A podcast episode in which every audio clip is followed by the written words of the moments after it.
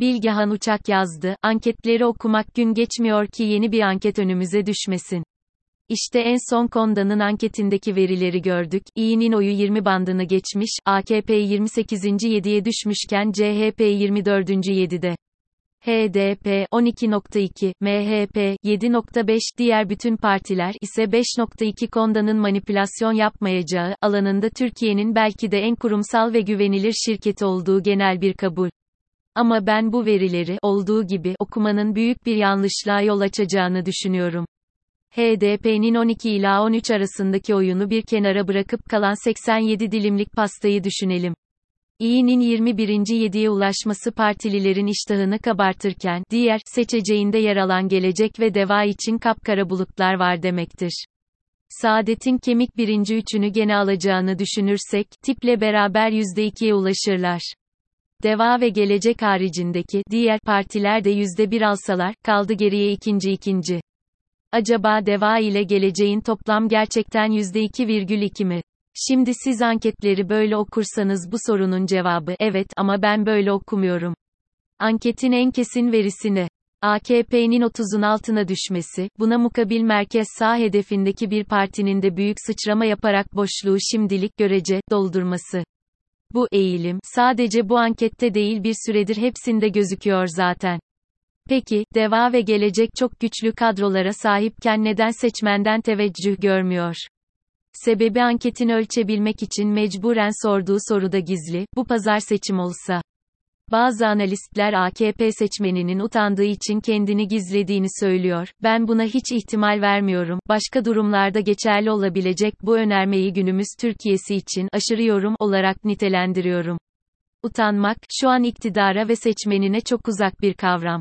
Öte taraftan, gönlü ve aklı başka partilere kaymış insanların, başımıza iş gelmesin, diyerek AKP, MHP veya en azından, çekimser, protesto, kararsızım, seçeneklerinden birini telaffuz ettiğini rahatlıkla varsayabiliriz. Seçim tarihi belli olup da yol kısaldıkça bu anketlerde radikal değişimler göreceğiz. Deva ile geleceğin toplam oyu, iyiden fazla olacaktır. Evet, şu anki 2'nin 20'den büyük olduğunu iddia ediyorum. Öngörüm şu, evvela kararsızlar geldikleri yere değil onurlarını koruyarak yeni bir hikaye yazmak için deva ve geleceğe yönelmeye başlayacak. Bekir Ağırdır'ın dediğine göre 10 kararsızdan 6'sı eskisi partisine dönüyormuş ama bu seçime bence diğerlerine hiç benzemeyen bir ortamda giriliyor, bu kez öyle olmayacak.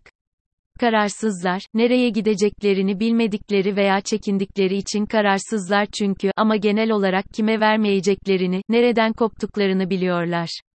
Tabii ki bu kararsızların içinde başka partilerden de seçmen var, yok saymıyorum ama onlar önemli değil çünkü misal, masaya kızan, bir grup öfkeli seçmen CHP'den memlekete gidecekse gider, bu tercih ittifak içi kaldığından sonucu uzun boylu etkilemez. Kararsızlar, bu iki partinin oyunu yükseltmeye başladıkça, baraj tehlikesi, ortaya çıkacak. Türkiye'nin, stratejik oy konusundaki tecrübesi bu iki partiyi de kol kola baraj üstüne taşıyacaktır veya birini yok ederken bir diğerini, üçüncü parti, yapacak güce eriştirebilir. Bu esnada, şimdi, kazanacak at görüldüğü için milliyetçilikten değil merkezden iyiye kayan oylar aslında rücu edecek ve iyinin, köpük oyu, deva ile geleceğe geçecek.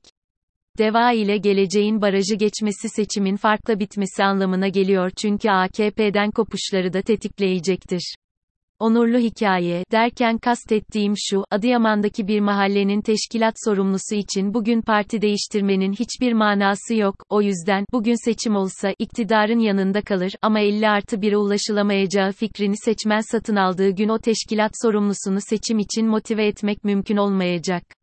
Önce onun ailesinden insanlar, kişileri değil ilkeleri, savunduklarını söyleyerek diğer tarafa geçecekler, böylece muhafazakar aileler de kazanmayı bir ölçüde garantileyecekler. Seçimin boyu daha da kısaldığında bu kez kopuşun nedenli sarsıcı olduğunu göreceğiz. Seçmen iktidardan öbek öbek koparken muhalefeti zafere ulaştıracak. Fatih Erbakan'a, Konya'da büyük tepki gördüm, ikinci turda Erdoğan'ı desteklemekten vazgeçtim veya Kılıçdaroğlu'nun Kayseri'de CHP'ye 700 kişi kaydolduktan sonra artık AKP'nin kalesi yok dedirten tam olarak bu. Nokta. Erbakan, sözünü, Sünni Müslümanların iktidarını bitiren siyasetçi olarak anılmaktan korktuğu için ikinci turda her şeye rağmen gene de Erdoğan'a oy vereceğini söylüyordu. Oysa şimdi bu korkusu ortadan kalkmış. Ne oldu da bir anda rahatladı Erbakan?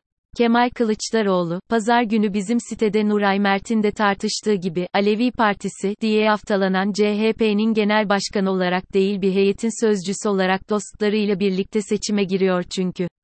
Konya'yı dönüştürenlerin başında da Ahmet Davutoğlu geliyor. Müslümanların iktidarı bu heyetin varlığı sayesinde bitmeyecek, iktidarın bir parçası olarak orada, masada veya Kılıçdaroğlu'nun yanında kalacaklar. Anketleri böyle okumanın daha doğru olduğunu düşünüyorum.